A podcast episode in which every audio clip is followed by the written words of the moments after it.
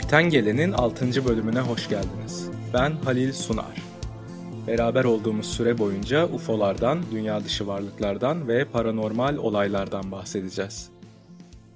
Öncelikle hepinize ailelerinizle ve sevdiklerinizle birlikte iyi ve mutlu bir bayram dilerim. Umarım kurban kesecek arkadaşlar hayvanlara eziyet etmeden en hızlı şekilde bu kesim işini hallederler. Şahsen ben kesemem hiçbir hayvanı açık konuşayım. Ama sonuçta ben de et yiyen bir insanım. E, yediğimiz etler de ağaçta yetişmiyor tabi. Bizim yiyebilmemiz için bu hayvanların kesilmesi gerekiyor. Önemli olan en insani ve en hızlı şekilde bu kesim işini halletmek. Aman kavurmayı da fazla kaçırmayın bu arada gece kabus görebilirsiniz. Evet podcast'in bu 6. bölümünde UFO'lara biraz ara verip paranormal olaylara geçiş yapalım dedim. Hepimiz bir gün öleceğiz malum. Aranızda yok ben hayır sonsuza kadar yaşayacağım diyen biri yoktur herhalde. Ölüm tabi insanoğlu için her zaman bir sır olmuştur. Bazı dini inanışlarda öldükten sonra ruhların doğrudan cennete veya cehenneme gidecekleri, diğer bazı dinlerde ise üç boyutlu evrendeki misyonlarını tamamlayana kadar ruhların farklı bedenler içerisinde tekrar dünyaya gelecekleri yani reenkarne olacakları ve üç boyutlu evrendeki deneyimlerini tamamladıklarında bu ruhların bir üst boyuta geçeceklerine inanılır. Her iki inanç şekline göre de öyle ya da böyle öldükten sonra üst boyuta geçme fikri vardır. Peki ya üst boyuta geçmeden önce bir süre daha dünyada kalmaya devam edersek Düşüncesi bile ürkütücü değil mi? Ancak dünyanın pek çok bölgesinde bunu doğrular nitelikte hikayeler anlatılmaktadır. Bu hikayeler analiz edildiğinde ise her ne kadar ölen her insan olmasa da genelde beklenmedik bir şekilde ölenler veya öldürülenler ya da dünyadaki hayatlarında bir insana veya bir nesneye saplantılı şekilde bağlı olanların genelde bu hayalet hikayelerine konu olduğunu görüyoruz. Yani iç huzurunu sağlamış bir şekilde hayata veda eden insanlar hakkında neredeyse hiç hayalet hikayesi bulunmamaktadır. Sanırım o zaman boyutlar arası geçiş çok daha kolay oluyor. Bu bölümde yaşanmış birinci ağızdan tanıkların paylaştığı gerçek hayalet hikayelerini dinleyeceksiniz. Eğer ben hassas bir insanım, etkilenirim, korkarım böyle şeylerden diyorsanız sizi baştan uyarıyorum. Genç bir adam nişanlısıyla henüz evlenmiş ve büyük bir bahçesi olan eski müstakil bir ev alarak buraya taşınmışlardır. Evin bakıma ihtiyacı olsa da fiyatını oldukça uygun buldukları için bu evi satın almaya karar verirler. Evliliklerinin ilk iki yılında iki oğulları dünyaya gelir. Hayat bu aile için gayet güzel geçmektedir. Ancak çocuklar büyüyüp de 5-6 yaşına geldiklerinde odalarını ayırmak için evin içerisinde değişiklikler yapma ihtiyacı hissetmişler ve kullanmadıkları bir odayı yenileyerek burayı da bir çocuk odasına çevirmeye karar vermişlerdir. Fakat henüz duvara ilk çivinin çakılmasıyla birlikte evin içerisinde garip olaylar baş göstermeye başlar. Çocuklar neredeyse her gece uykusuz kalmaya başladıklarında babaları onlara ne olduğunu, neden uyumadıklarını sorar. Çocuklar da geceleri uyuyamadıklarını çünkü şapkalı yaşlı bir adamın her gece pencerelerinden içeriye baktığını söylerler. Ancak burada bir sorun vardır ki çocukların odasına bakan pencere evin ikinci katındadır. Babaları önce çocukların hayal güçlerini kullanarak yalan söylüyor olabileceklerini düşünse de çocukların uykusuz geceleri devam etmiş ve neredeyse her gün ağlayarak daha da korku dolu bakışlar içerisinde anne ve babalarına geceleri yaşlı bir adam tarafından izlendiklerini defalarca söylemişlerdir. Bir akşam adam gece mesaisinde iken eşinden panik içerisinde bir telefon alır. Eşi dinlenmek üzere yatağa uzandığı sırada daha önce çocukların bahsettiği yaşlı ve şapkalı bu adamın yatak odasının tavanına tutulmuş vaziyette aşağı bakarak kendisini izlediğini söyler. Korku ve panik içerisinde yatağından fırlayan kadın koşarak odanın ışığını açar. Işığı açar açmaz tavandaki yaşlı adam ortadan kaybolur.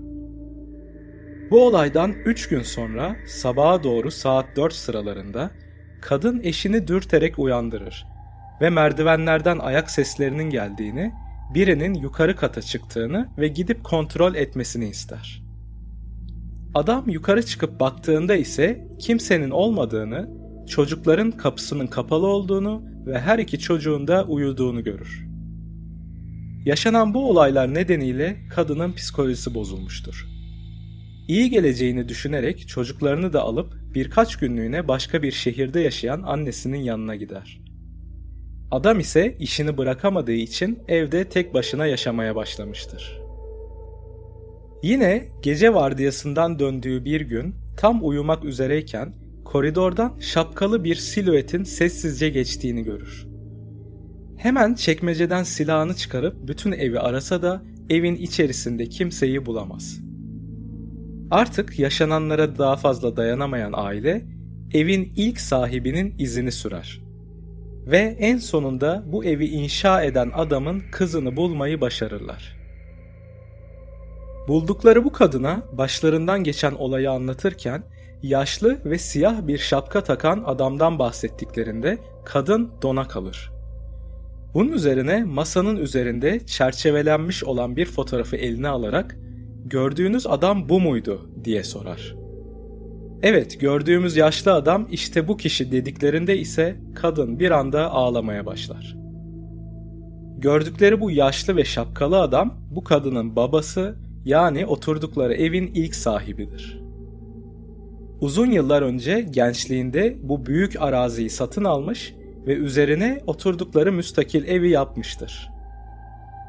Kızı babasının bu evi çok sevdiğini ve yaşadığı müddetçe ailedeki kimsenin hiçbir eşyanın dahi yerine değiştirmesine izin vermediğini anlatır.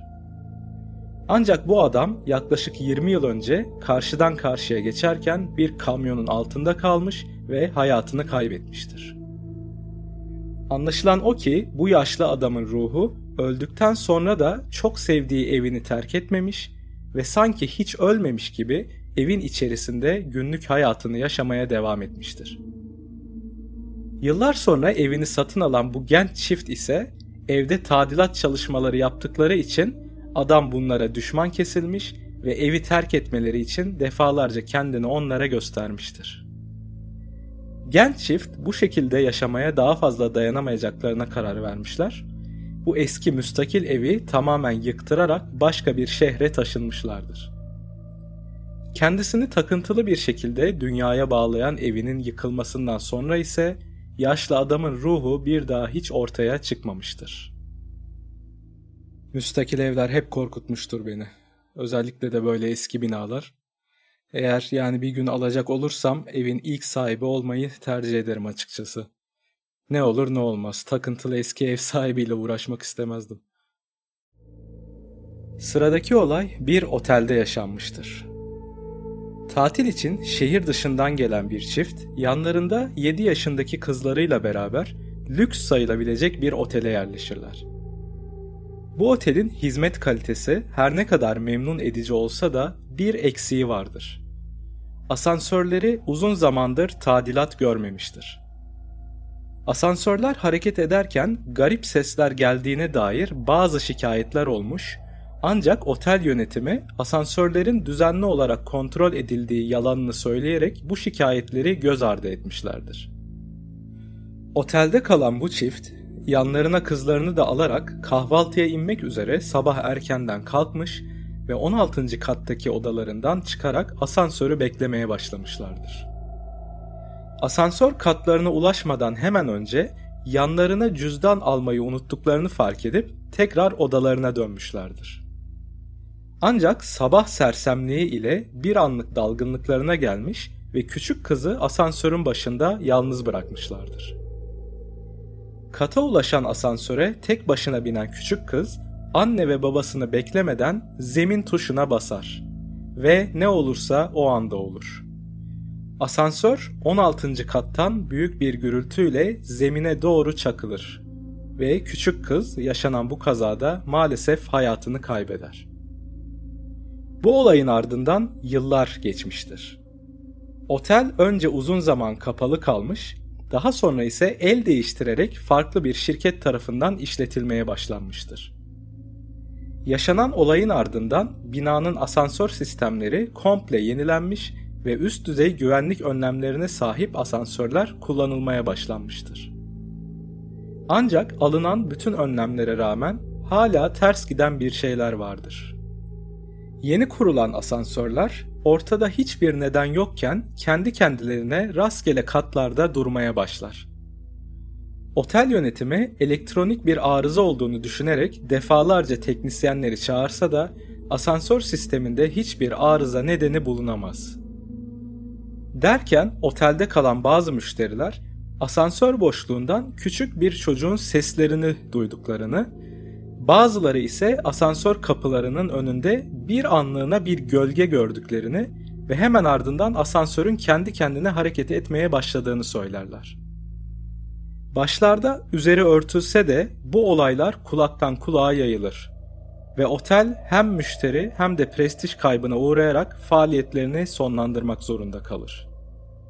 Küçük kızın ruhu belki de öldüğünden habersiz bir şekilde hala orada oyun oynamaktadır. Üzücü bir olay gerçekten. Yani belki de öldüğünün farkında bile değil. Anne ve babasını beklerken asansörde oyun oynuyor hala. Ya da belki de geride kalan şey kızın hayaleti değil, yaşadığı trajik olayın enerjisidir. Bazı şok edici olayların enerjisi uzun süre o bölgede kalmaya devam ederler. Umarım ikinci seçenek doğrudur. Hızlı araba kullanmayı seviyorsanız sıradaki hikaye tam size göre.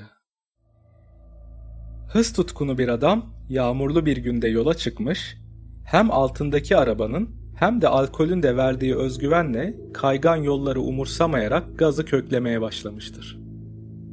Sabahın oldukça erken saatlerinde yola çıkan bu adam, zaten o saatlerde yolların da boş olacağını bildiği için kaza yapma ihtimalini dikkate almayarak kırmızı ışıklarda bile durmadan aracını son sürat sürmeye devam eder.